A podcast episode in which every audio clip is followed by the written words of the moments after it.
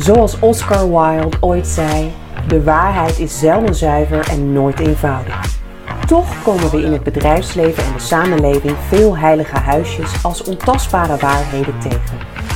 Waarom lukt het niet om uit de dogma's van de heilige huisjes te treden? Sia Attaredian en Hanneke Vogels bespreken in iedere aflevering één van de dogma's en zetten ze in een ander licht. Wellicht kan het toch anders. Hallo allemaal, zijn we weer. Een uh, nieuwe episode in seizoen 3. Ik denk episode 3 al intussen. Uh, in seizoen 2, uh, eh, of ja, in seizoen 2 staat voornamelijk de vraag centraal: hoe kunnen we dan het goede doen? Dus iedere keer weer een lastig vraagstuk met een zeer bijzondere gast. En we proberen de complexiteit op te zoeken en daarna te vereenvoudigen met hoe, kun, hoe kan ik, hoe kunnen wij dan hierin het goede doen? Vandaag hebben we het grote eer dat we uh, Gabriel van den Brink uh, als gast hebben. Gabriel is voormalig hoogleraar maatschappelijke bestuurskunde en gasthoogleraar wijsbegeerte aan de Vrije Universiteit. Daarnaast is hij medeoprichter van de Filosofische School Nederland. Het doel van deze stichting is de bevordering van de wijsheid in cultuur, wetenschap en bestuur. Nou, mooier kun je het niet hebben. Zij komen voort uit de ambitie om filosofie, wetenschap en samenleving dichter bij elkaar te brengen, zodat er een vruchtbare wisselwerking van inzichten en ervaringen tot stand kan komen. Nou, als, we, als ik kijk naar de onrust in Europa, is dat iets wat we echt nodig hebben, Gabriel. Uh, ik kom zo bij jou. Uh, eerst naar mijn uh, lieftallige co-host, mevrouw Vogels. Hoe is het? Hallo, Sia. Nou, het gaat uitstekend. Ik, ik heb enorm uitgekeken naar dit gesprek vandaag. Um, dat komt met name doordat het heilig huisje mij uh, na aan het hart ligt, maar ook omdat ik dat uh, uh, regelmatig thuis ook gewoon hoor. Wil, wil jij hem anders vertellen? Dan kan Daniel hem zo, zo toelichten, maar als jij alvast verklapt ja. ik... Nee, het, het, heilige huisje is vandaag, dat bepaal ik zelf wel. Maar je kan je voorstellen, ja, ik heb, ik heb twee jonge kinderen, die, die roepen dat zeer regelmatig, tot grote hilariteit. Uh, en soms ook tot grote frustratie. Uh, maar ik denk, ik vind het ouderschap wel heel mooi uh, in het kader van, van wat, waar we het vandaag over gaan hebben. Omdat de relatie soms hetzelfde is, soms anders is. Maar daar, daar, zit, daar zit een mooie, een mooie lijn in. Dus ik, ik hoor hem vaak. Ik bezig hem zelf ook nog wel eens. Dus ik ben heel benieuwd wat, hoe Gabriel ons mee gaat nemen in, in zijn heilig huisje. En dit, dit, is de cue, uh, dit is de cue, Sia, dat jij hem weer overneemt, hè? ik wil hem eigenlijk doorgeven aan Gabriel. Gabriel, vertel, jouw heilige huisje. Ja. Uh, dat bepaal ik zelf wel. Ja. Zo, die toon, hè? Ja. Dat is iets wat je in Nederland inderdaad heel vaak hoort. En ook al heel lang hoort. Kijk, ik ben, uh, ik ben nu 72 bijna. Dus ik kan niet alleen terugkijken op een, uh, een stukje leven, maar ook op. Ik heb ook kinderen gehad, of heb ik nog, en die heb ik ook opgevoed. En dat was in de jaren 80 en 90. En toen begon dat zo'n beetje in Nederland. En het is misschien goed om heel kort even de geschiedenis daarvan te schetsen. Want kijk, op zichzelf is natuurlijk helemaal niets tegen het feit dat mensen in hun leven zelf willen bepalen hoe ze dat leven inrichten, met wie ze omgaan, wat ze voor werk willen doen, wat ze geloven, wat ze stemmen. Ik bedoel, ik ben daar allemaal voor. Ik heb uh, jullie alles verteld uh, dat ik eh, 1950 geboren ben in de schaduw van de Tweede Wereldoorlog. Dus dan krijg je het idee van vrijheid echt wel van huis uit mee. Dus vrijheid, ook individuele vrijheid, politieke vrijheid, het is een groot goed en ik sta er van harte achter. Maar dat heeft zich wel op een bepaalde manier ontwikkeld en dat verhaal moeten we in de gaten houden. Want in de jaren 60 leidde ook weer die schaduw van die Tweede Wereldoorlog tot een soort opstand tegen alles wat gezag had en wat macht uitoefende tegen de burgemeester, tegen de hoogleraar, tegen de dominee, tegen de minister. Enfin, iedereen die macht had, die moest aan de kant. Want wij, jongeren vooral, konden zelf wel bepalen hoe het leven in elkaar zat. En dat was een emancipatiebeweging. Dat was natuurlijk niet bedoeld om te zeggen, ik doe maar wat. Nee, dat was eigenlijk een zeer gewetensvolle uh, omarming van de vrijheid. Omdat mensen een helder idee hadden over het goede. En dat is zo in de jaren 70 doorgegaan, de jaren 80, 90, dat heeft zich doorgezet. Maar gaandeweg, en dat is het venijn, is die vrijheid iets gaan betekenen van, uh, nou ja, uh, wat heb ik eigenlijk met anderen te maken? Uh, ik ben immers vrij, ik heb rechten, mensenrechten, ik, ik leef in een democratie. Dus wie zal mij zeggen hoe ik moet leven? En het eindigt eigenlijk met een soort liberalisme, wat ik maar een beetje, ja, wat vroeger wel eens door Ed Nijpels werd uitgedragen, van lekker jezelf zijn, punt. En dat is het dan.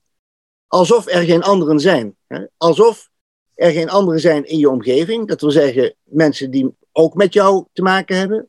Alsof er geen verleden is, waar je uit voortkomt voor een deel. Alsof er geen ruimere wereld is die bepaalde dingen van jou verwacht. Alsof er geen hogere taken in het leven zijn.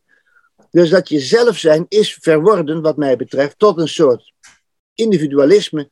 Waarbij mensen niet alleen hun eigen leven inrichten, maar ook eigenlijk geen genoegen nemen met het feit dat er nou eenmaal, ja, bijvoorbeeld bepaalde regels zijn, of bepaalde wetten zijn, of bepaalde codes zijn, of dat er dingen normaal zijn en andere dingen minder normaal zijn. Want als je zegt, dit en dat is normaal, dan zeggen Nederlanders, dat bepaal ik zelf wel.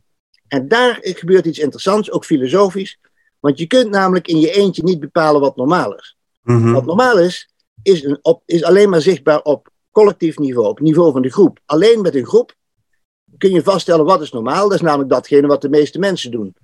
En degene die daarvan afwijkt, dat mag natuurlijk in een democratie, is geen enkel punt. Maar degene die afwijkt van datgene wat de anderen doen, die is op dat punt niet normaal. Nou, dat is een hele neutrale zaak. En dat is allemaal niks, geen probleem. bijvoorbeeld als je zegt, de gemiddelde lengte in Nederland is 1,70 meter, noem maar wat. Dan is iemand die 2 meter is, die is in die zin abnormaal. Nou, daar maken we geen punt van. Maar inmiddels is het dus zo, en dat is dan eventjes voorlopig mijn laatste punt, dat mensen dus zeggen, hoezo lengte? Wie bepaalt dat, wat lengte is? Dat bepaal ik zelf wel. Hè? Alsof dat een, een kwestie is van zelfbepaling. Maar ja, er is nou eenmaal in Parijs ligt er een, een, een ik geloof een platina meter. En die zeggen, een meter is dit. En, lang, hè, en, en de gemiddelde lengte is zus. Dus jij kunt wel vinden dat je het zelf bepaalt, maar toevallig zijn er ook nog anderen die daar iets over te zeggen. En dat vermogen om je te verhouden tot anderen, dat vind ik eigenlijk erg gesleten in Nederland. En je zag daar ook wel tekenen van in de coronacrisis.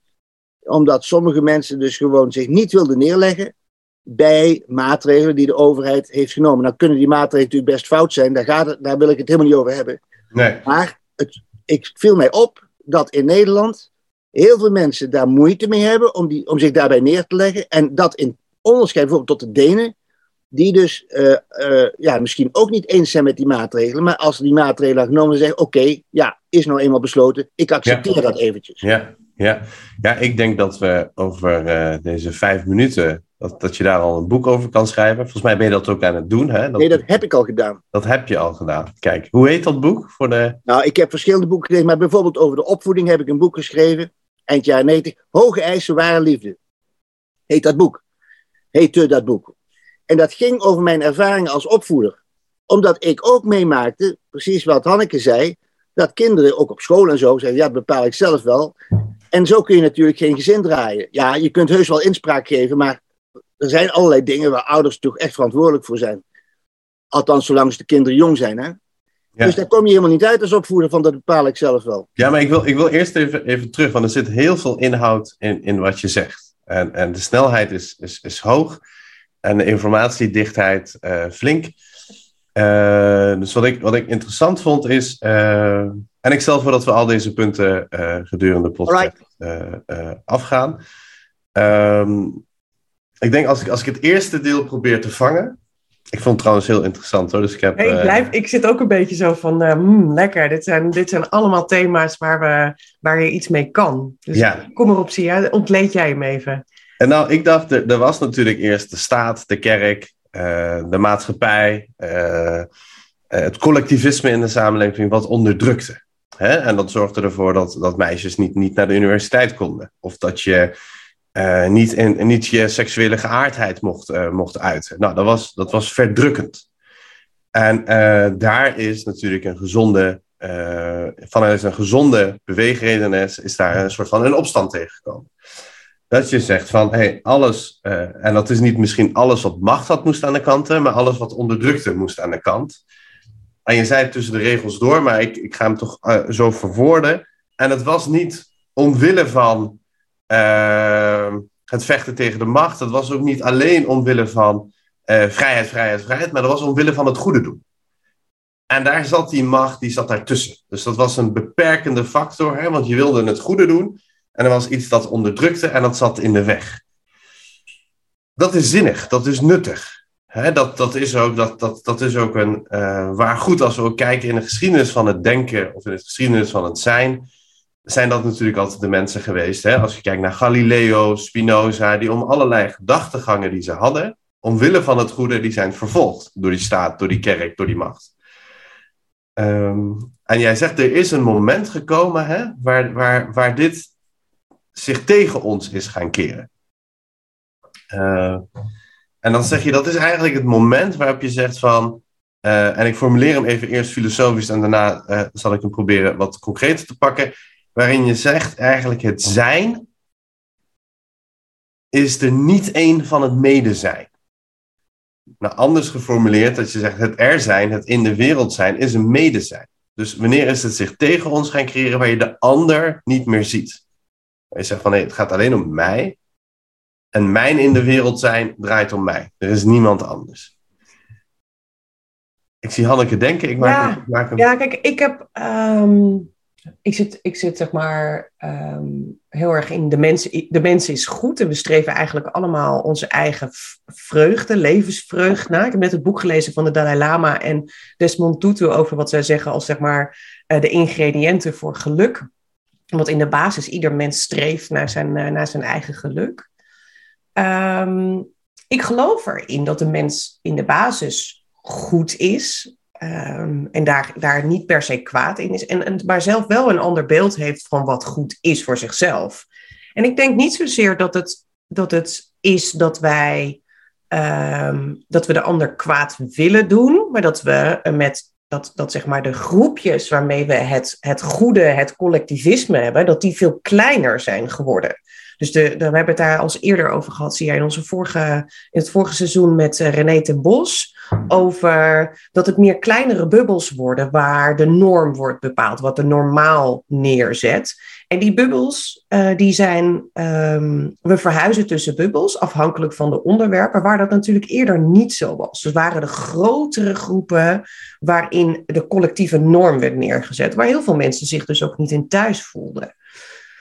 Dus ik denk dat we vooral veel conflicterende normen zien.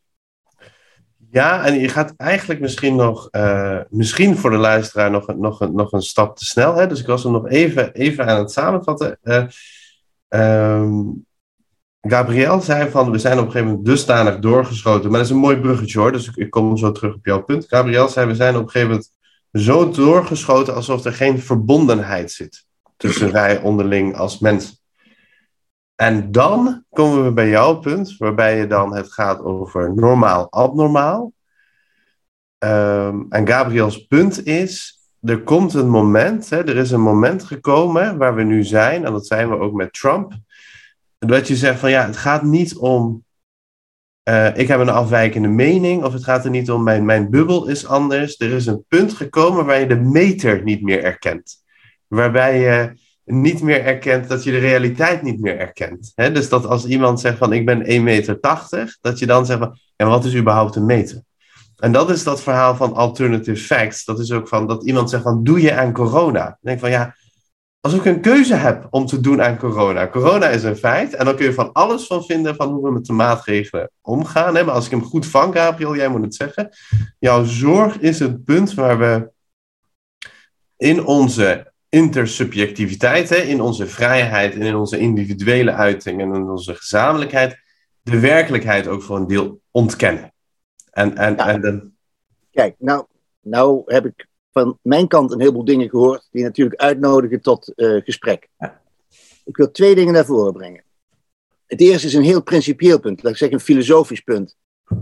Namelijk, hoe kijk je aan tegen het leven en in het bijzonder tot de verhouding van je eigen leven en, en het gemeenschapsleven? Ik heb van de evolutieleer en van de biologen iets heel belangrijks geleerd, namelijk dat wij mensen van nature uh, twee uh, tendenties in ons meedragen. En trouwens, de primaten hebben dat ook al. En Frans de Waal heeft dat uitdrukkelijk ook onderzocht.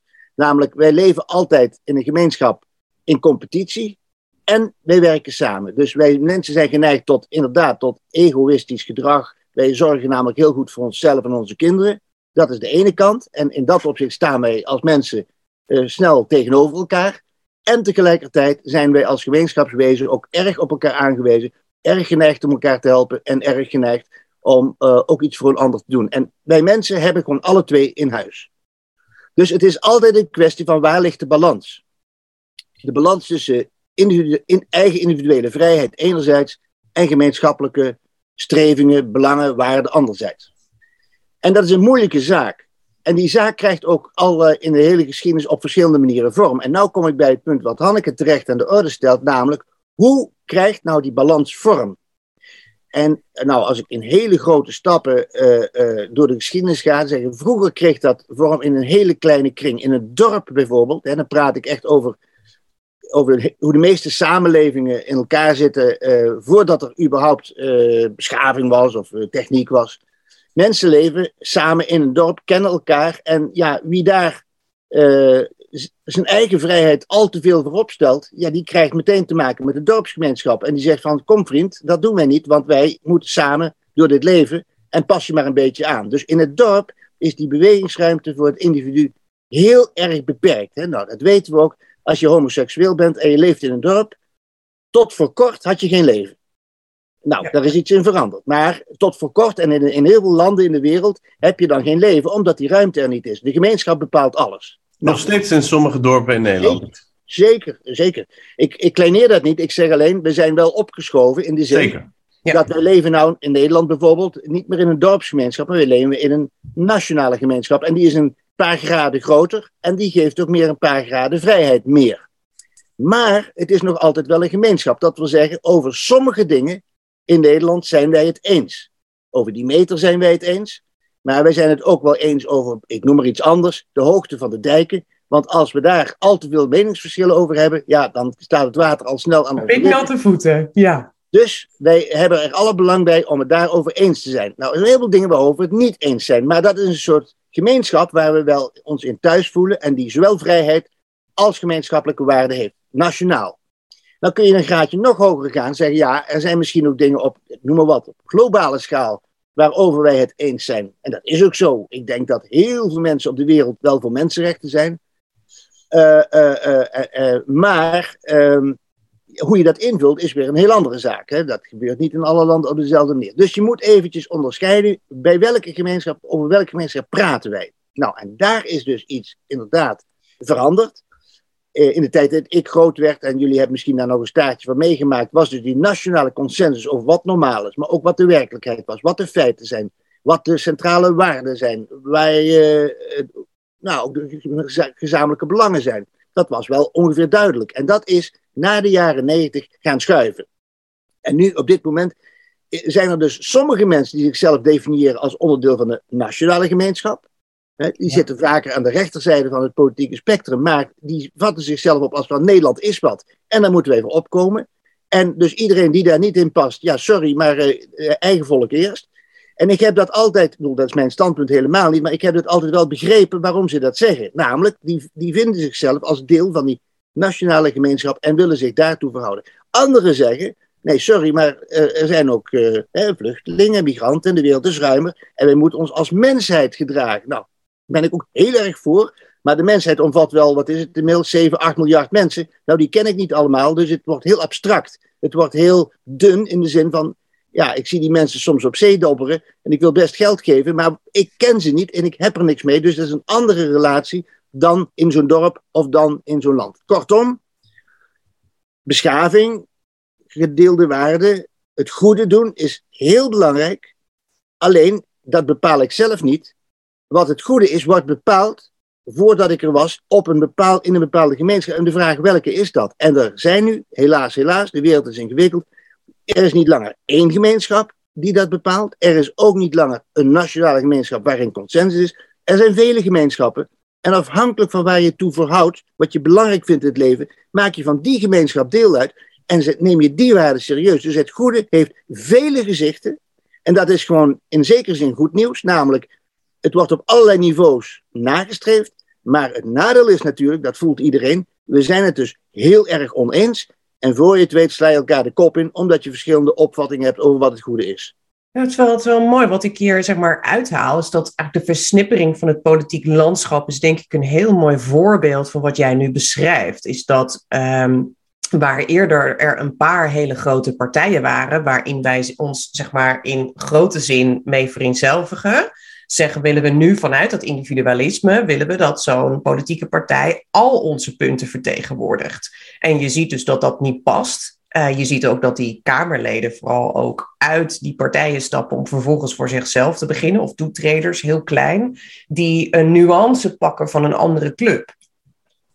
Waarmee je dus die versnippering krijgt. En die versnippering is eigenlijk een, uh, op zich een vertegenwoordiging van hoe onze huidige maatschappij functioneert. Er is geen grote consensus meer over grote onderwerpen, terwijl we wel voor hele grote uitdagingen staan. Dus het is, eh, ik weet, hoe, kijk je, hoe kijk jij daarnaar? Wat, wat, als je nou naar, naar de toekomst zou willen kijken. Dus het lijkt wel alsof bijvoorbeeld vanuit wat we nu beschrijven, dat bepaal ik zelf wel, dat ons huidige politieke bestel eigenlijk niet meer past. Niet meer past bij de huidige tijdsgeest. Moeten we dan vechten tegen de huidige tijdgeest? Of zeg je nee, we moeten het politieke bestel aanpassen? En die vraag stel jij mij. Ja. Dan ga ik hem ook beantwoorden. Althans proberen. Want daar heb ik natuurlijk inderdaad ook wel eens over nagedacht. Want die, die vraag die je stelt is zeer terecht, zeer terecht. En het probleem waar we mee worstelen is ook groot. Ehm, en ik heb zojuist uh, een onderscheid gemaakt tussen eigenlijk drie schaalniveaus. Hè. Dus de kleine schaal van het dorp, de wat grotere schaal van de nationale gemeenschap en de nog veel grotere schaal van, de, laten we maar zeggen, de mensheid als geheel. En je kunt het nog veel ingewikkelder maken, maar dit is al ingewikkeld genoeg. Dat is als het ware in de ruimte gedefinieerd. Hè? Dus we zeggen, uh, tot wel, hoe, hoe, zie je die gemeenschap ruimtelijk voor je? Mm Mijn antwoord is eigenlijk een variant daarop. Ik pleit sinds een aantal jaren voor duurzaamheid in drievoud. En daar bedoel ik dit mee. Dat we op drie punten de, onze tijdshorizon verlengen. Dus dat we niet alleen denken aan uh, het heden en morgen en gisteren, maar dat we denken in langere termijnen. Termijnen van niet alleen generaties, maar misschien zelfs wel van eeuwen. En die drie punten zijn duurzaamheid in fysieke zin, dat wil zeggen richting natuur, duurzaamheid in sociale zin, dat wil zeggen richting maatschappij, en duurzaamheid in culturele zin, dat wil zeggen richting traditie en geschiedenis. En daarmee bedoel ik dit, want daarom sluit het aan op het, het goede. Um, kijk, we maken een klimaatcrisis mee die dateert niet van gisteren. Die is zeker 200 jaar geleden begonnen. En die hebben we ook niet morgen om 10 uur 30 opgelost. Sterker nog, dat duurt niet alleen lang, maar om hem te kunnen oplossen moeten we anders denken, namelijk in termen van meerdere, vele generaties. Het gaat om de vraag, hoe staat de wereld ervoor als mijn klein, klein, klein, kleinkinderen nog op deze wereld zijn? Dus wij moeten af van het korte termijn denken zoals dat op de beurzen en in het economisch leven heel erg prominent is. Namelijk, wat zijn de jaarcijfers? Wat zijn de kwartaalcijfers? Wat doet de beurs morgen? Ja, allemaal interessant. Maar de klimaatcrisis heeft een totaal andere temporaliteit en vraagt dus ook een denken wat die lange termijn, die zeer lange termijn, uh, daar recht aan doet. Mhm. Als we dat niet uh, verruimen, die tijdshorizon, gaan wij de klimaatcrisis niet echt begrijpen. Dat is dus duurzaamheid in fysieke zin.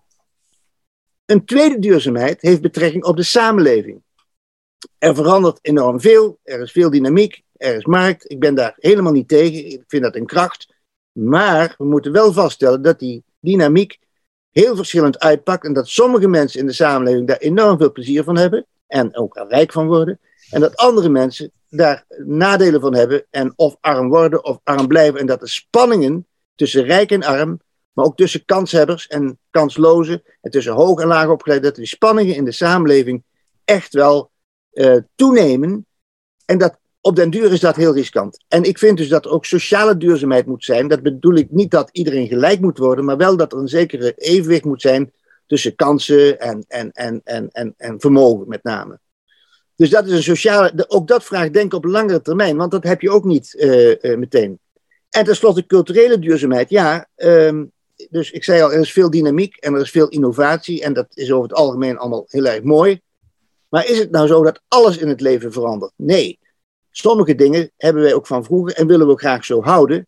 En je moet dus ook de cultuur onderhouden. En dat doen wij in Nederland en in het Westen in het algemeen niet zo graag. Wij zijn meer met de toekomst bezig dan met het verleden. En het verleden geldt al gauw als iets van dat is voorbij. Maar dat is niet zo, want cultuur in de zin van een traditie van waarden, een traditie van denkbeelden, zit in ons en werkt in ons door. En als je dat niet onderhoudt, bijvoorbeeld in het onderwijs, als je niet weet wat geschiedenis is, dan ben je als een dolende in het land en dan kom je niet goed terecht. Dus ik vind, ik sluit het daarmee af, dat als je anders denkt in, in die zin, op die drie punten, op een meer duurzame manier, maar dan moet je ze wel alle drie bij elkaar houden. Dus niet zeggen, ik doe alleen maar aan klimaat of ik doe alleen maar aan cultuur. Nee, ze horen bij elkaar.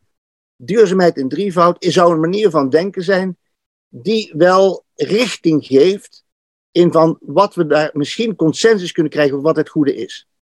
Als ik uh, vanuit een helikopterview luister naar, uh, naar wat je zegt, allereerst heel erg interessant. Uh, maar als ik daarnaar kijk, dan maak je onderscheid tussen tijd en ruimte. Dus het tweede verhaal is tijd, het eerste verhaal is ruimte.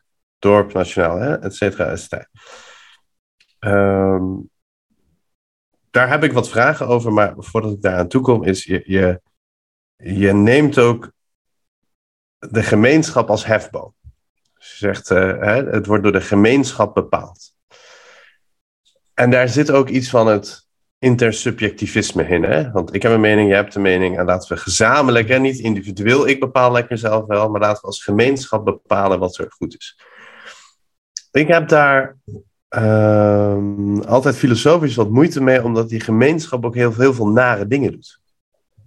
Dus als ik kijk naar die gemeenschap, dan denk ik, ja, die gemeenschap die bepaalt op een gegeven moment gezamenlijk dat, dat mensen met een andere huidskleur slaaf moeten zijn. En die gemeenschap die bepaalt gezamenlijk dat uh, mensen met een Joodse achtergrond uh, minder zijn. Die gemeenschap die bepaalt gezamenlijk dat vrouwen niet mogen stemmen. En, en, en dan denk ik, die gemeenschap, die geografische gemeenschap, dus de ruimte, die leidt natuurlijk aan de ziekte van zijn eigen tijdsgeest. Dus dan komt, komt ruimte en tijd komt dan samen.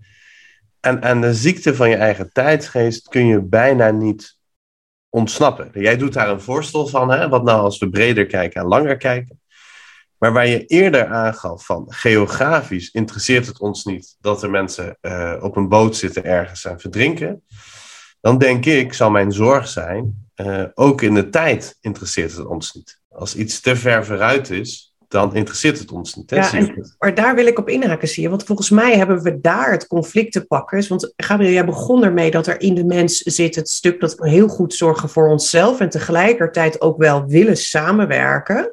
Um, ik denk dat die tijdspanne die ervoor nodig is, dat wij als mensheid niet in staat zijn, en dan ben ik heel pessimistisch, maar dus zeg maar wat ik nu zie, dat we niet in staat zijn om voor zo'n lange tijd samen te werken. En dat daar dus dat conflict vandaan komt en dus dat de gemeenschapszin er in de basis wel is, alleen wat Sia zegt, doordat er ook heel veel ego vervolgens in naar voren komt. Je, je er ontstaat toch altijd iets van leiderschap. Dat er afslagen worden genomen die tot uitsluiting leiden. By default. En dat is, het is misschien de meest pessimistische uh, blik op de wereld, op de mensheid aan zich. Is dat we, dat we eigenlijk niet in staat lijken te zijn, als je naar de hele geschiedenis kijkt, om voor langere tijd het echt het goede te doen. Om daar ja, en wat ik, daar, wat ik daar zou willen toevoegen is, we kunnen inderdaad niet voor zo'n langere tijd vooruitkijken aan samenwerken. En tegelijkertijd denk ik ook, die wappies van die bepaal ik zelf wel. Uh, daar zit ook iets in van sommige ervan. En ik, ik weet niet hoe je dat onderscheid zou moeten maken, maar sommige ervan ontsnappen aan de ziekte van de tijdsgeest. Hè? Dus Jezus werd in zijn eigen tijd gezien als een terrorist. Uh, Socrates ook. als je echt naar de klachten tegen Socrates kijkt, is het ook van je, je, je zorgt voor onrust in de samenleving. Uh, hoe kun je ervoor dat de andersdenkende en, de, en de, uh, de, de mensen die eigenlijk de samenleving verder brengen, omdat ze niet aansluiten bij die gemeenschap, En juist door het afwijken van dat gemeenschap heel veel het goede doen. Galileo, Spinoza en de mensen die er ook voor vervolgd zijn. Hoe zorg je ervoor dat je die wel beschermt? Want ik ben het volledig met je eens, dat bepaal ik zelf wel. Ik word daar zo moe van. Uh, en, en, corona is daar inderdaad een voorbeeld van. Uh, maar er is ook een nieuwe film uit van Don't Look Up. Hè? Vond ik ook zo interessant. Hè? Magisch, ja. Ja, en dan denk ik van ja, men doet, hè, er is een meteoriet wat op de aarde afkomt en men doet alsof die er niet is. Want ik werk iedere dag hard en ik zorg voor mijn volk en ik zorg. Nou ja, die, en dan denk ik, ja, maar als ik dit pak als voorbeeld, is het natuurlijk idioot. Als ik pak wat de mensen in de samenleving doen en zeggen over corona, is ook idioot. Tegelijkertijd zijn die andersdenkenden vaak wel de mensen die aan de ziekte van de tijdsgeest ontsnappen en voor verandering en voor verbetering zorgen. En ik kan er niet echt vinden hoe ik ze moet onderscheiden. Dus dat is het tweede probleem. Ik ga je helpen. Ik ga jullie alle twee helpen trouwens, want ook Hanneke heeft nog dingen gezegd die om een antwoord vragen. Drie opmerkingen. A. Uh, de idee dat wij niet langdurig zouden kunnen samenwerken, uh, uh, dat begrijp ik vanuit het heden wel, maar gelukkig geeft de geschiedenis voorbeelden van dat het wel kan. Ik noem maar even iets uit losse pols. De Egyptische beschaving heeft 3000 jaar bestaan. Met vallen en opstaan hoor, het was niet één rechte lijn, maar wel 3000 jaar bestaan omdat er wel degelijk een bepaald idee van het goede werd gecultiveerd. En ook in de praktijk gebracht. Dus dat kan wel, want anders bestond dat niet.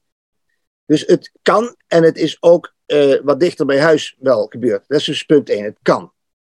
Punt 2, het is natuurlijk niet zo dat zo'n beschaving, in dit geval de Egyptische, een, een, een hoogtepunt van liberaliteit was. Helemaal niet. Daar heeft Sia volkomen gelijk. Dat was een strak geleide, volkomen hiërarchische, sterk normatieve, disciplinerende uh, piramide. Hè? Ook sociaal een piramide. waarin de top bepaalde wat er op het grondvlak gebeurde. En het grondvlak eigenlijk maar één ding kon, namelijk stenen sjouwen en verder mond houden. Dus uh, als je daar homo was, zal ik maar zeggen, of jood, dan had je het nakijken, want daar was geen ruimte voor. Ja, dus of überhaupt is... burger, hè? Of ja, burger. Ja, maar daar komen we nog op. Dus dit was even scène 1, ja. Egypte. Ze kunnen het wel, maar liberaal was het niet. Nou komt de tweede fase. En die sluit eigenlijk heel nauw op de Egyptische fase aan. En die vind je in het Oude Testament. Namelijk, er zijn machthebbers, maar er zijn ook profeten. En profeten, dat zijn lastige lui. Dat zijn mensen die denken dat ze weten hoe, wat het goede is, want dat heeft Yahweh namelijk bepaald. En die gaan met die boodschap tegen de machthebbers in. Ja, de, de, de machthebbers hebben geweldig veel last van de profeten. Dus hier zien we het conflict van macht en moraal. En uh, nou ja, in het Oude Testament kun je kijken hoe dat afloopt. En meestal loopt het slecht af voor de profeet. Dat wil zeggen, die wordt verbannen of die krijgt, hè, in ieder geval de, machthebbers winnen. Althans in eerste instantie, hè, hier op aarde is het zo. De machthebbers winnen en de profeet gaat de gevangenis in of erger. Maar op langere termijn is het anders. Hè? Want op langere termijn zijn die geluiden van die, die morele geluiden van die profeten, die zijn niet alleen opgeschreven, die werken door. Ook bij het volk en soms zelfs bij de machthebbers. Sommige machthebbers zijn toch wijs hè? en nemen iets van die inzichten over. Maar lastig is het wel. En dan komen we ook meteen bij Jezus, maar ook zeker bij Socrates. Namelijk, Socrates was ook zo'n wijze die dus een bepaalde opvatting van het goede naar voren bracht maar tegen de machthebbers in. En daar heeft hij een hoge prijs voor betaald, trouwens Jezus ook. Dus je betaalt een prijs, maar het goede nieuws is, er ontstaat in de geschiedenis van het Westen, of in ieder geval van, de, van onze cultuur, ik bedoel, het is niet specifiek Westers, maar er ontstaat wel een zekere dialectiek tussen macht en moraal. En met dialectiek bedoel ik een, een, een vorm van dialoog. Een vorm van dialoog waarbij je het niet per se eens hoeft te zijn, maar door het gesprek te voeren het eens zou kunnen worden en dat ook de macht zich daar iets van aantrekt. Nou, dat is een hele lange geschiedenis. Nu ga ik echt met reuze mijlglazen er doorheen. En dan kom ik ergens in uh, zeggen, Noord-Europa, uh, na de middeleeuwen. Dus uh, Engeland, Nederland, gereformeerde landen, waar het burgerschap opnieuw wordt uitgevonden. Juist omdat we het niet per se eens zijn over wat het goede is, En weten dat we daarover met elkaar in gesprek moeten. En in de liberale samenleving is het element van dialoog, van gesprek, van overleg, van onderhandeling en ook wel van strijd hoor, van, van heftige oneenigheden, is de manier om samen tot een bepaling van het algemeen belang te komen. Het algemeen belang, het goede, is niet voorgegeven, zoals dat was in de tijd van de profeten, toen stond het min of meer vast. Maar dat moeten wij als het ware als burgers zelf uitvinden. Wat bedoelen wij met het goede? Waarover worden wij het eens? Wat is het algemeen belang? Hoe bepalen wij de grenzen van de gemeenschap? En daar gaan wij zelf over. En dat betekent dus dat burgerschap is de moderne vorm waarin wij zelf moeten bepalen hoe wij die balans tussen eigen belang en algemeen belang maken. En dat is een, dat is een politieke kunst. In principe zouden alle burgers dat uh, moeten kunnen. Nou, dat is natuurlijk niet zo. Maar om het nou helemaal uit handen te geven aan politici of bestuurders, te zeggen, nou doen jullie het maar, want wij kunnen het niet, dat is natuurlijk wel armoedtroef. En daar zitten we een beetje in. Fascinerend, fascinerend. ja, dat was ook het woord dat in mij opkwam, zie je? Nou ja, kijk, je, uh, als ik het goed bepleit, dan zeg je instrument wat we moeten gebruiken is dialoog. En dat instrument, uh, dat leidt tot uh, burgerschap, burgerparticipatie. En uiteindelijk kunnen we als gemeenschap bepalen wat het goed is. Uh, ik, denk, ik, denk niet dat, ik denk niet dat dat een eerlijke vraag is. Hè, maar mijn vraag blijft nog steeds van... Hey, als we dat samen gaan bepalen... hoe ontstappen we dan uit de ziekte van de tijdsgeest? Want we zijn allemaal geboren uit die ziekte... en we dragen het allen in ons. En gemeenschappen doen vaak hele verkeerde dingen. Maar dat, dat, dat is een lastige vraag. Ik, ik leg hem wel, wel weer neer. En niet alleen bij jou, maar bij ons allen. Een tweede vraag die ik heb is: uh, dialoog wordt vaak uh, uh, aangevoerd als het instrument. Hè? Dat doet eh, Socrates op een bepaalde wijze, maar Hegel doet, doet dat ook op een bepaalde wijze. Hè? Dus de dialectiek die je aanvoert van een idee en iemand anders heeft ook een idee. Hè? Dus een thesis en antithesis en dat beweegt samen naar verbetering, dat, werkt, dat beweegt naar een synthesis. Dat is het Hegeliaanse idee van dialectiek. En ook de Frankfurter Schule die heeft het over dat publieke dialoog en het publieke debat. Mijn tweede vraag is, wat nou als dat instrument stuk is? Uh, en ik heb het gevoel dat dat instrument nu stuk is. Wat bedoel ik daarmee? Wij voeren nu een gesprek met z'n drieën. Dan zijn er een aantal voorwaarden. Hè, voorwaarde is dat we niet alle drie door elkaar praten, bijvoorbeeld. Anders wordt het heel moeilijk. Als we alle drie nu tegelijkertijd. Nou, een andere voorwaarde is dat uh, we op zijn minst proberen een beetje te reageren op wat de ander heeft gezegd. Hè? Als we alle drie een eigen verhaal beginnen te vertellen, ik begin over Assepoester uh, en Hanneke over uh, Roodkapje, als reactie op jouw verhaal, wordt natuurlijk ook heel lastig om dat gesprek te voeren. Wat bedoel ik met dat dat instrument nu stuk is? Ik bedoel dat fundamentele basiswaarheden, en ik ben helemaal niet iemand die zegt van de waarheid bestaat, maar fundamentele basiswaarheden, die worden nu genegeerd. Dus ik vraag me af, hoe moet ik het dialoog voeren? Ik ga toch weer terug uh, naar die film Don't Look Up. Hè? Hoe moet ik het dialoog voeren met iemand die ontkent dat er nu een meteoriet op ons afkomt? En zegt ook, nee, dat is mijn mening. Dat is, dat is, dat is een alternative fact. Hè? Geen mening meer, maar dat is een alternatieve feit. Er komt, geen, er komt geen meteoriet op ons af. Dan vraag ik me af, en ik doe dat bewust, ik gebruik bewust het voorbeeld uit die film om het niet over corona of Rusland of over die dingen te hebben. Ik vraag me af, wat doen we dan als het instrument stuk is? Want er is natuurlijk ook, en volgens mij zijn er ook leden van de Frankfurter Schule die dat zeggen. Je moet wel het, de intentie hebben om de waarheid te spreken. Je moet wel de wil hebben om het goede te doen. Maar het gemeenschap, de dialoog het, en het intersubjectivisme zijn ook gekaapt. En het laatste voorbeeld die ik daarover geef is Trump, omdat het een beetje in het verleden ligt. Is er was op een gegeven moment een groep, nou ja, ik, ik zeg even neonazies. Ik weet niet precies wat, uh, wat, wat de associatie was, hè, maar die, sommige oude oud leden die hadden ingereden op een menigte dat aan het protesteren was. Hè. En er zijn, ik weet niet of er doden zijn gevallen, maar die hadden ingereden op de menigte die, die uh, vredig aan het protesteren was even los van de ideologie erachter. Trump misbruikte toen het instrument van intersubjectivisme en misbruikte de basisprincipes voor dialoog om te zeggen: There were good people on both sides.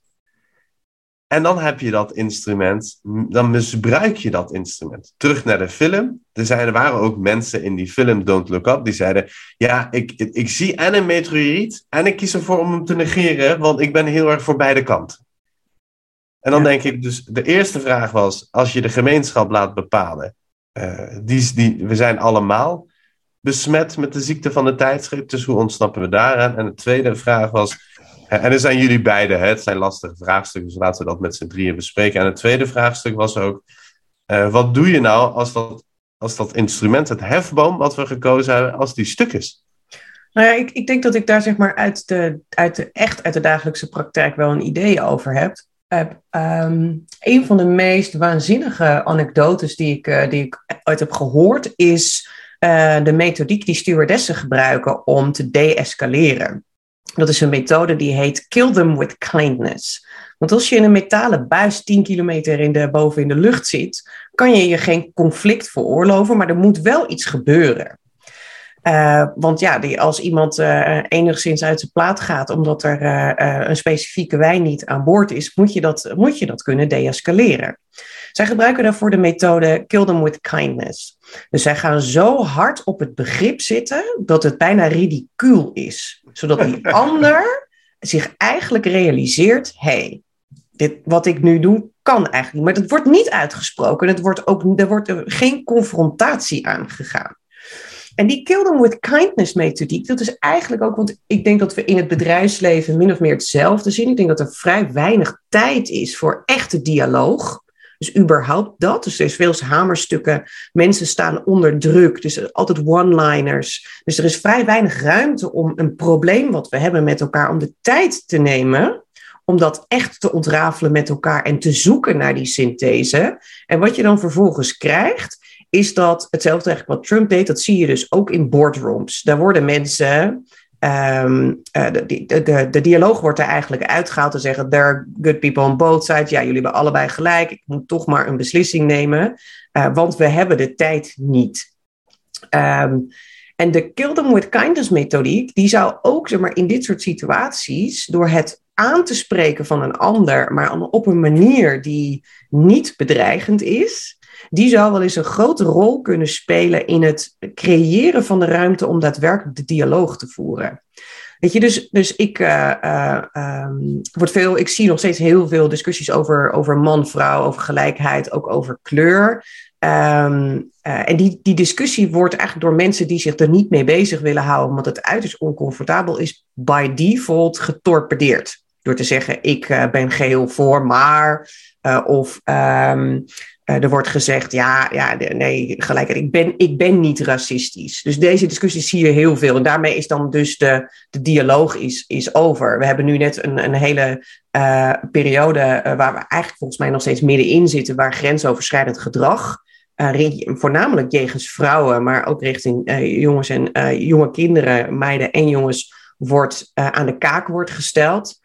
Uh, waarbij uh, eigenlijk het, het, het, hele manvolk, en ik scheer ze maar even over één kam, zegt: ja, nee, maar dat doe ik niet. Ik ben niet zo. En daarmee is de discussie weg. Dus het, uh, eigenlijk zijn we heer en meester geworden met z'n allen in het wegnemen van de discussie door te zeggen: maar nee, dat, zo ben ik niet. En ik denk dat daar uh, dat we daar die kill them with kindness methodiek voor nodig hebben en een antwoord nodig hebben om die discussie alsnog te voeren zonder dat die bedreigend voelt. Dat is, een, dat is de stelling die ik hier zeg maar wil ja. neerleggen. Hoe kijk jij daarnaar, Gabriel? Ja, nou, ik denk dat we even onderscheid moeten maken tussen strategie en tactiek. Die, kill, die, killing, die, die, die techniek van de stewardess die jij noemt, die is tactisch buitengewoon verstandig. En ik heb hem in de tijd dat ik onderzoek deed bij de politie ook heel vaak zien toepassen door wijkagenten die in een heftige situatie terechtkomen. Die gaan natuurlijk niet meteen bonnen slingeren en schieten, die gaan gewoon deescaleren. En die gaan zorgen dat buren weer een beetje samen om de tafel kunnen zitten. Dus dat is op het korte termijn absoluut noodzakelijk. Uh, dat vind ik uitstekend. Uh, en als dat leidt tot dat mensen elkaar weer kunnen, gewoon kunnen ontmoeten. En samen aan één tafel zitten en samen een gesprek voeren, is dat alleen maar winst. Maar dan komt de tweede vraag. En die is meer strategisch vandaag, namelijk als je dat gesprek voert, wat heb je te vertellen? En stel dat je dat instrument wat stuk is, zoals Sia zegt, dat je dat gerepareerd hebt. Wat is dan je verhaal? Want het is natuurlijk wel mooi om zes verschillende standpunten om een tafel te hebben, iedereen laat elkaar uitpraten, maar dat schiet niet op. Want uh, op zijn best kom je tot een meerderheid en de minderheid zit te mokken van ik heb mijn zin niet gekregen. En dan moeten we toch even terug naar Socrates. Kijk, de dialoog bij Socrates is op het eerste oog een spelletje van een stel van een leermeester met leerlingen, waarbij de leermeester alleen maar vragen stelt, de onnozele hals speelt, zegt van ja, ik weet dit niet en hoe heb je dat gedacht. En die leerlingen die gaan er allemaal op in en die brengen argumenten naar voren en die denken en die nemen allerlei standpunten in. En die leermeester doet alsof hij niet goed weet uh, wat de waarheid is. Is natuurlijk volkomen fake, want die leermeester weet heel goed wat de waarheid is. Die doet wat leermeesters altijd doen in alle tradities, namelijk heel veel weten, heel veel wijsheid hebben, maar die wijsheid niet opleggen, maar die wijsheid in het gesprek laten ontstaan. Door de manier waarop andere mensen het woord krijgen, over zichzelf nadenken, argumenten uitwisselen, feiten aanhalen, denkexperimenten doen en nog zo wat. Dus in de diepte is het helemaal niet waar dat daar een neutrale dialoog is van ja, je hebt mening A en mening B en het, het, uh, de meerderheid kiest of uh, het midden zit ergens rekenkundig tussen beide in. Nee, Socrates heeft wijsheid in die zin, hij weet heel erg goed hoe, in welke richting de waarheid gezocht moet worden. En hij weet ook heel goed hoe moeilijk het is om dat zomaar als het ware te formuleren. En een deel van zijn meesterschap is dat hij dat op een verstandige manier doet. Nou, geven wij met de filosofische school geven wij expliciet een cursus die heet Wijsheid in tijden van transitie. En wat wij dus meemaken is precies wat, wat Hanneke zegt, namelijk daar komen allemaal hoge ambtenaren en, en, en managers en CEO's binnen. En die staan geweldig onder druk. Die hebben tijdsdruk, maar ook prestatiedruk. Dus die hebben helemaal geen tijd om na te denken. En het kost ons altijd een dag voordat die mensen in een andere houding zitten. En we even de tijd nemen om na te denken over wat ze nou eigenlijk zeggen. En wat ze allemaal beslissen. En pas als die ruimte is ontstaan, kun je wat meer de diepte in. En kun je ook vragen aan de orde stellen die om weer wat meer wijsheid vragen. En dat, dat, is, dat kan alleen als je inderdaad die wijsheid wel in huis hebt. En dan kom ik toch terug op die culturele duurzaamheid. Namelijk, het betekent dat je een, niet alleen een goed verhaal hebt, maar dat je ook weet waar je vandaan komt en waar je naar op weg bent. Het betekent dat je een zekere hiërarchie van waarden hebt, dat je dus onderscheid kunt maken tussen hoofd- en bijzaken. Dat je de goede balans vindt tussen het grotere geheel en allerlei particuliere belangen. Met andere woorden, dat is ook een vaak filosofische denkoefening, om dat geheel niet als het ware op te leggen, maar dat geheel al sprekend en al denkend te laten ontstaan. Dat is wat een dialoog eigenlijk beoogt. En dat gaan we dus niet op korte termijn kunnen. Ik snap het voorbeeld van Trump, maar we hebben het hier in huis in Nederland ook. Er wordt van alles geroepen en daartegen ingaan heeft geen zin. Nee. Maar alles relativeren heeft ook geen zin. Als je zegt, ja, goh, ja, uh, u, u, u, vindt dat uh, facts en alternative facts, als, dat heeft op de, op de korte termijn geen zin. Maar uh, het heeft wel zin om mensen gewoon, het heeft zin om mensen kennis bij te brengen, het heeft zin om mensen te leren argumenteren. Het heeft zin om mensen de hoofd- en bijzaken te uh, laten benoemen, uh, enzovoort. Dus het kost een tijd. En daarom is mijn hoop ook niet gericht op de korte termijn, maar op de lange termijn. En je moet er wel zelf in geloven. Dus ik denk dat als je het zelf al niet gelooft, het langere verhaal, en je bent voor dialoog, ja, dan kom je niet veel verder van, ja, ieder zijn mening.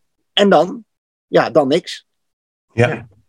Ik ga mijn best doen, en daar heb ik echt jullie hulp bij nodig, om het even samen te vatten, om even te vangen wat we tot nu toe uh, besproken hebben.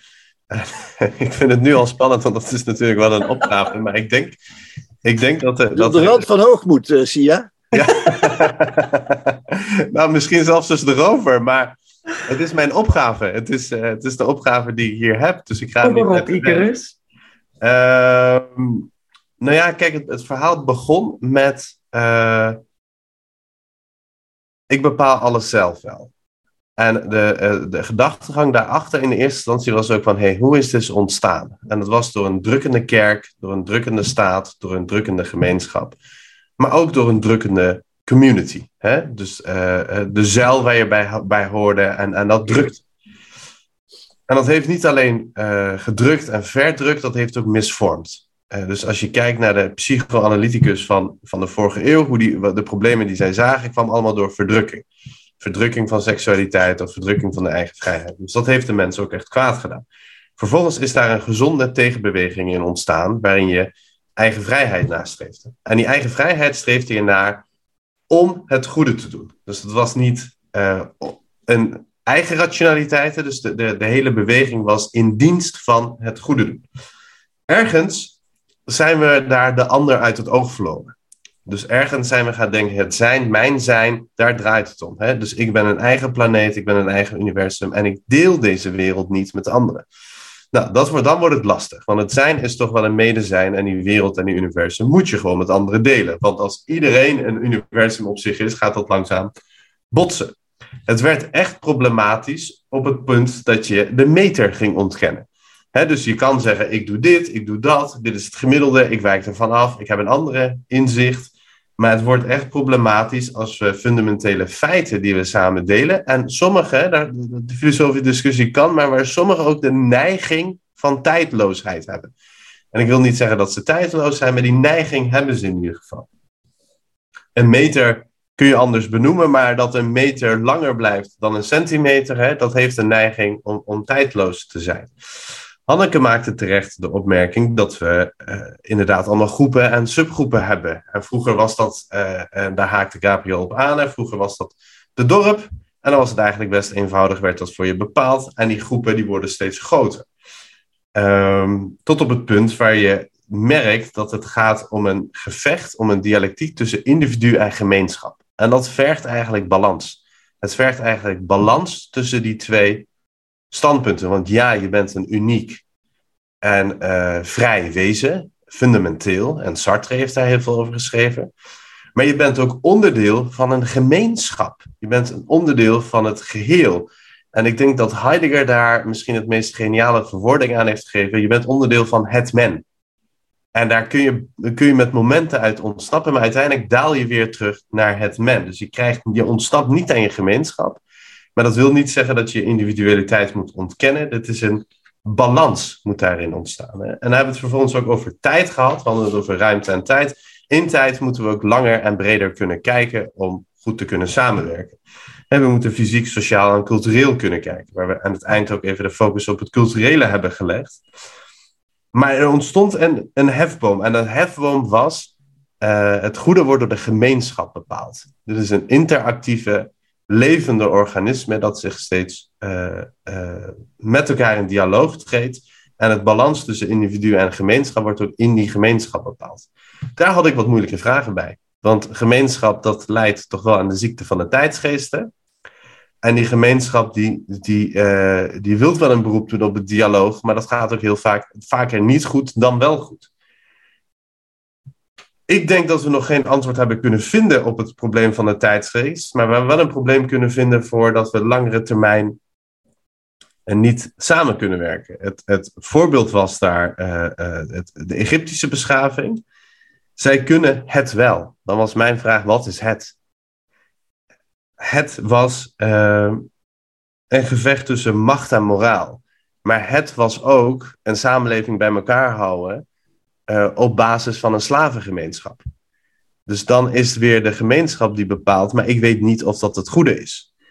Er ontstaat wel een dialectiek tussen macht en moraal, waarbij uh, de machthebbers op de korte termijn lijken te winnen, maar waarbij de profeten en de moraliteit op de lange termijn wel doorsuddert. Uh, en uiteindelijk werd de oplossing burgerschap. Hè? Dat was de burgerschap, was de oplossing om met elkaar en niet de macht weg te geven, maar met elkaar het macht en het morele te delen. En daarin in, in een dialoog met elkaar in gesprek te zijn. Uh, Kill with Kindness vond ik een hele mooie. Daarin werd gezegd, uh, dit is wel een hele lange samenvatting, jongens, maar waar we ook. Ja, ik, zit, ik ben aan je, oh. aan je, uh, ik hang aan je lippen, want het is echt een, een prachtig mooie samenvatting van ontzettend veel onderwerpen. Maar, maar niet, niet beknopt, maar nee. daar, daar de excuses aan de, aan de luisteraar. Killing with Kindness vond ik een hele mooie. Van hoe, dat instrument van dialoog dat nu stuk is. Hoe zorgen we ervoor dat dat weer gaat functioneren? En, en Gabriel voegde daar denk ik terecht aan toe, hoewel ik hem wel ga gebruiken hoor, dat killen with kindness, vond het ook een hele mooie. Hij zei ja, dat is een tactiek, maar wat gebeurt er in de strategie? En het mooiste, en ik ga nu wat, wat stappen uh, overslaan, het mooiste vond ik wijsheid laten ontstaan. Dus niet een postmodernistische van we hebben allemaal een mening en nu heeft iedereen zijn zegje gedaan. Nee, er is echt verschil in wijsheid. En dat vind ik een belangrijk punt. Hè? Dat, dat zegt hij tussen neus en lippen door. Maar dat is, misschien is dat iedereen heeft een mening en ze zijn gelijk ook een onderdeel van de ziekte van onze tijdsgeest. Dat we daar een denkfout maken om te zeggen van ja, we, zijn we gaan een neonatie aan Nelson Mandela, die stoppen we in hetzelfde hok en we zeggen dit zijn vergelijkbare meningen. Dat zijn ze natuurlijk niet. Er is verschil in wijsheid. En het zou mooi zijn op de korte termijn niet. Op de korte termijn wordt het lastig. Het zou mooi zijn op de lange termijn de wijsheid die er is, de mensen die wijsheid in pacht hebben, dat die zoals Socrates met anderen in gesprek kunnen om daar uh, wijsheid te laten ontstaan. Uh, dit zou denk ik mijn samenvatting zijn van ons gesprek, maar maak vooral toevoegingen. Nou, eh, ik denk dat ik zeg maar, een vraag wil stellen aan, uh, aan Gabriel, met name in het licht ook van het goede doen. Ik vond dit een echt een. Maar, maar misschien nog voordat je deze vraag stelt, Gabriel, heb je zelf toevoegingen? Nee, ik, laat Hanneke vooral die vraag stellen. Ik, ik kom wel. nee, ik vind echt een, een. We hebben ontzettend veel mooie onderwerpen geraakt. Um, en ik vind zeg maar, tijd en ruimte vind ik een, een prachtig mooi instrument om de complexiteit te duiden van uh, de onderwerpen die we, die we hebben. Uh, waarbij uh, ruimte al ingewikkeld is, maar tijd misschien nog wel veel ingewikkelder. Wat zou dan, Gabriel, volgens jou vandaag de dag het, de manier zijn waarop we dat stuk tijd beter in beeld krijgen? Wat kunnen we vandaag al doen? Wat kunnen we creëren met elkaar, iedereen die luistert, om ruimte te geven voor dat begrip tijd? Ja, ik zal proberen een antwoord te geven wat op jullie beide vragen ingaat. Wat we centraal moeten stellen is niet zozeer tijd, maar kwaliteit. En daarmee bedoel ik dat um, in alle culturen en in alle grote religieuze, levensbeschouwelijke tradities die de wereld kent, en dat zijn er nogal wat, kan men onderscheid maken, kwalitatief onderscheid maken tussen meer en minder wijs. Natuurlijk is de, de taal waarin dat gebeurt verschillend. De taal van de Confucianist is niet dezelfde als de taal van de moslim, is niet hetzelfde als de taal van de socialist is niet hetzelfde taal van de nationalist. Dat zijn allemaal verschillende talen. Maar daaronder, op het niveau wat fundamenteler is, namelijk de waarde en het denken over hoe te handelen, dat is fundamenteler dan taal. Dat wordt niet, ook niet, heel, niet helemaal bepaald door taal. Dat taal is daar een uitdrukking van. Maar op dat meer fundamenteel niveau kun je elkaar vinden als je het probeert de redenen daarvan die zijn nu voeren te ver, maar dat heeft te maken met eh, onze evolutionaire voorgeschiedenis.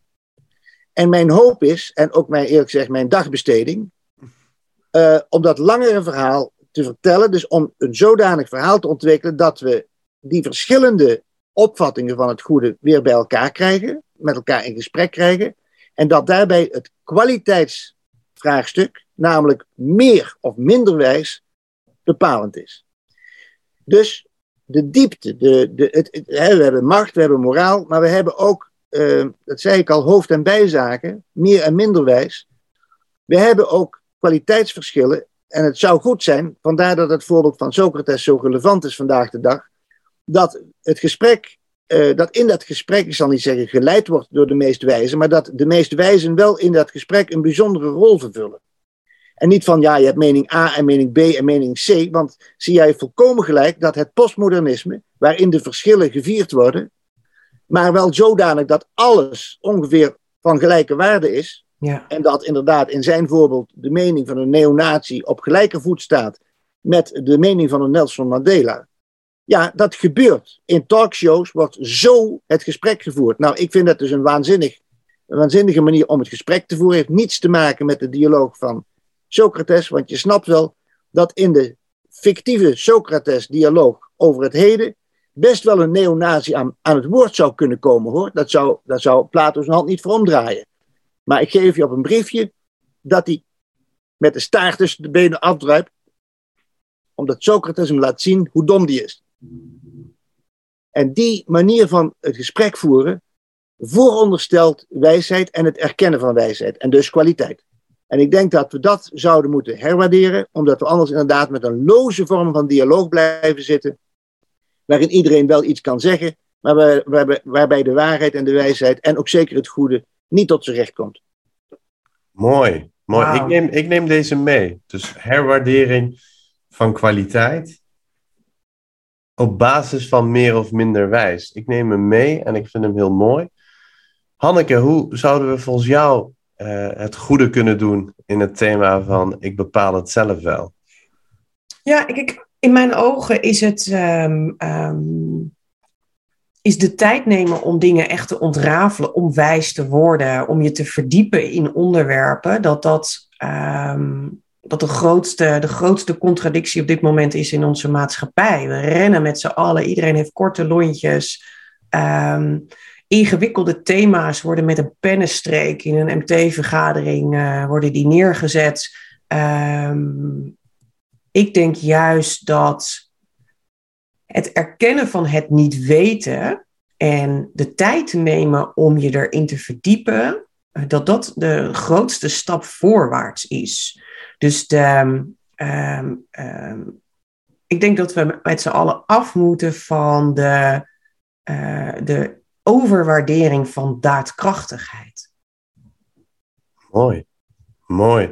En eigenlijk komt dat ook terug neer op kwaliteit. Hè? De tijd nemen om kwaliteit op te zoeken. De tijd nemen.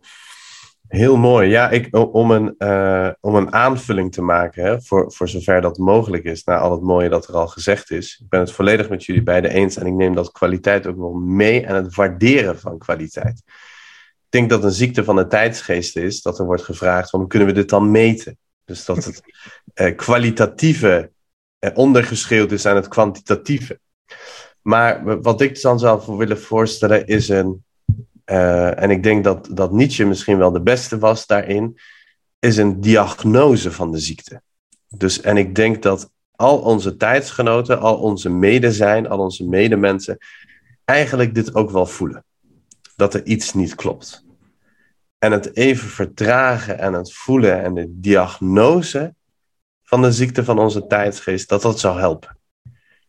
En wanneer we dat gedaan hebben, kun je ook kijken naar meer of minder wijs. Maar ik denk dat het, eh, dat het een ziekte is waar we allen aan lijden. En niet alleen de wijze, de wijze, uh, die kunnen het misschien goed formuleren, maar niet alleen de wijze voelen hem. Ik denk dat we hem allemaal voelen. In een soort van vervreemding en onmenseling en gehaastheid en het instrumentalisme en het productiedenk.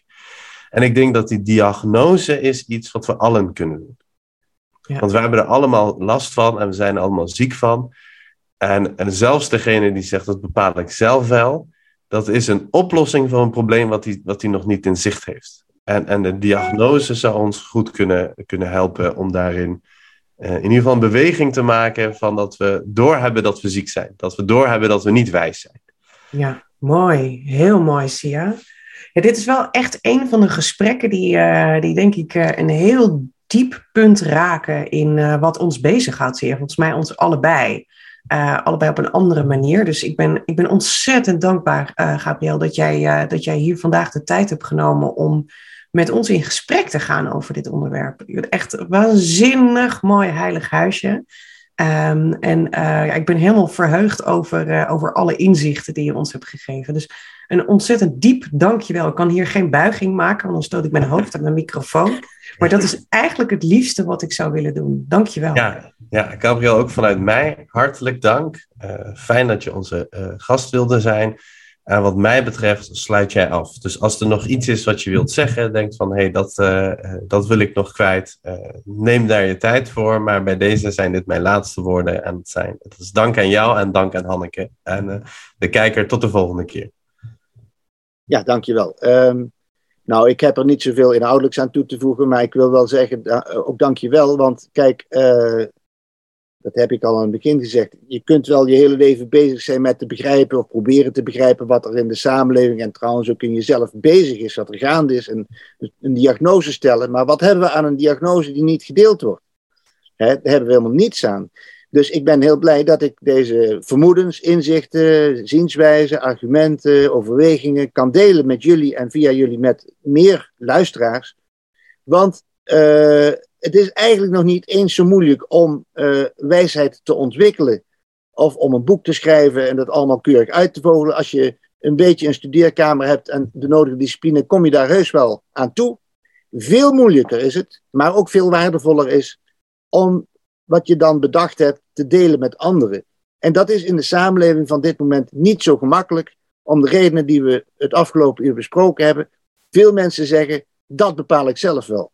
Nou, als mensen eventjes bereid zouden zijn om te zeggen: oké, dit parkeren we.